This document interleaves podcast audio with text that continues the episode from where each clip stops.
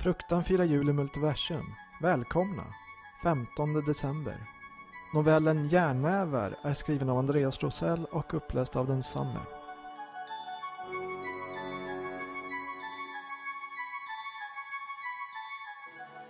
Jag låter draken flyga in mig över staden. Trött på allt som har med filmbolag att göra. Ännu en gång blåst på huvudrollen. Trött på amerikaner. Jag håller mig hårt fast i hennes fjäll och undrar vart hon ska föra mig ikväll. Jag litar på henne. Det regnar hårt och blåser. Jag trycker mig mot den varma kroppen. Lyssnar till mullrande eld innanför. Hon tar mig fram genom den mörka himmelen och snart står jag på 53 gatan. Jag behövde något starkt och hon har lett mig till en bar som ser ut att vara bra på tequila. Tack vännen, bra val. Du vet när du behöver hämta mig. Står kvar och ser hennes svans försvinna bakom höghusen. Vakten tittar misstänksamt på mig men släpper ändå in mig utan problem. Jag ser trots allt välvårdad ut. Min helsvarta outfit är snyggt skuren. Inte ett pressveck på vare sig topp eller byxor. Bältet ligger plant och knuten är satt till perfektion. Väl inne hinner jag inte många meter förrän en servitris har satt mig ner vid ett bord och tagit min beställning. Rullande tequila shots hela kvällen. Baren är liten, men den mexikanska närvaron stor. Klientelet är klassiskt amerikanskt.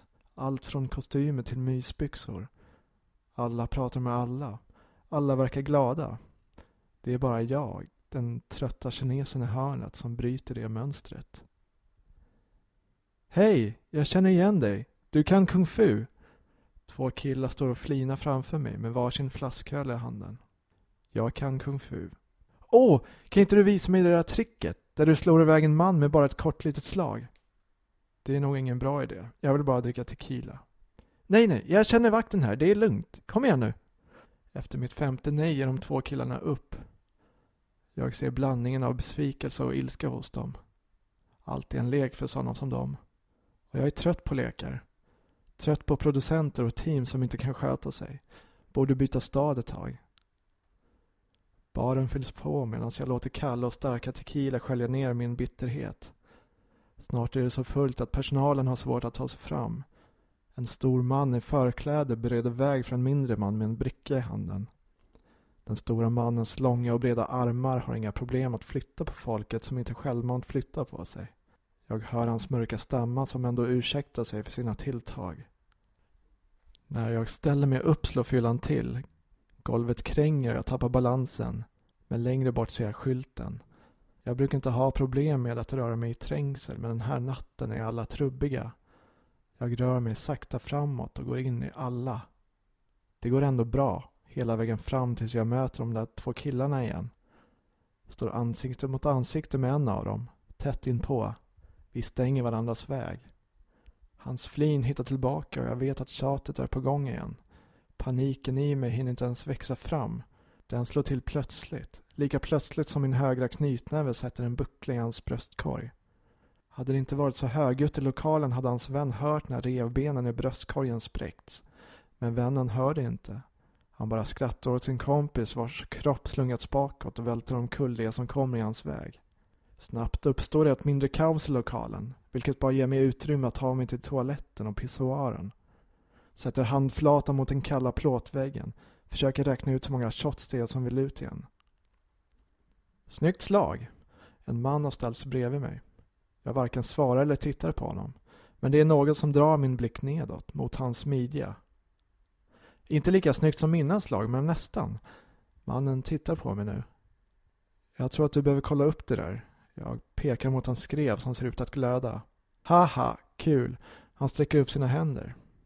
Det här min vän är styrka. Kraften från en drake. Vad för drake? Spelar det någon roll? Det kan inte vara en bra drake som låter sin styrka komma till dig. Jag antar att du har en bättre drake då? Nu känner jag att jag vågar titta på mannen som står bredvid mig vid pissoaren. Men jag svarar inte på den uppenbart dumma frågan. Istället börjar jag lyssna till musiken som jag hittills inte uppmärksammat. Shh. Fin jullåt. Jag hinner knappt säga klart min uppmaning innan mannens ena näve försvinner in i en miniexplosion. Musiken dör när högtalaren pulveriseras. Det finns bara en drake och det var min tur att besegra den. Mannen som verkar vara klar med sitt toalettbesök är uppenbart mycket irriterad nu. Han står vänd mot mig med händerna högt i luften. Kring fingrarna cirkulerar ett rött sken. Jag hinner precis stänga gylfen när jag ser slaget komma mot mig. Min mjuka kropp svarar fint trots berusningen och parerar slaget. Kraften blir hög och halva hans arm försvinner in i plåtväggen där avtrycket från min handflata fortfarande satt. När han drar ut armen glöder det kring den uppfläkta plåten. Jag behöver bara luta mig framåt lite för att kika in i hålet. På andra sidan verkar damernas toalett vara, för på andra sidan står en ung tjej med läppstift över hela ansiktet. Hon stirrar på mig. Sen skriker hon, högt och länge. Vad håller du på med? frågar jag mannen med de glödande händerna. Men han hinner inte svara förrän mannen med de stora armarna lugnt kliver in till oss. Då var det färlekt för ikväll, herrar. Sen tar han oss under armarna och snart står vi på den kalla gatan utanför baren igen. Bra jobbat! Vart hade du tänkt att jag ska fortsätta min kväll nu då? Av någon anledning skyller mannen med de glödande händerna på mig. Inte mitt problem. Vi är klara med varandra nu. Han försöker säga något mer. Eller om han försöker närma sig mig. Jag har redan vänt honom ryggen och tagit ett steg ut i den tomma gatan. Jag känner vinden mot ansiktet och sträcker upp armarna. Låter henne svepa med mig i farten. Svingar mig upp runt hennes nacke. Tack vännen, det blev lite tidigare än beräknat.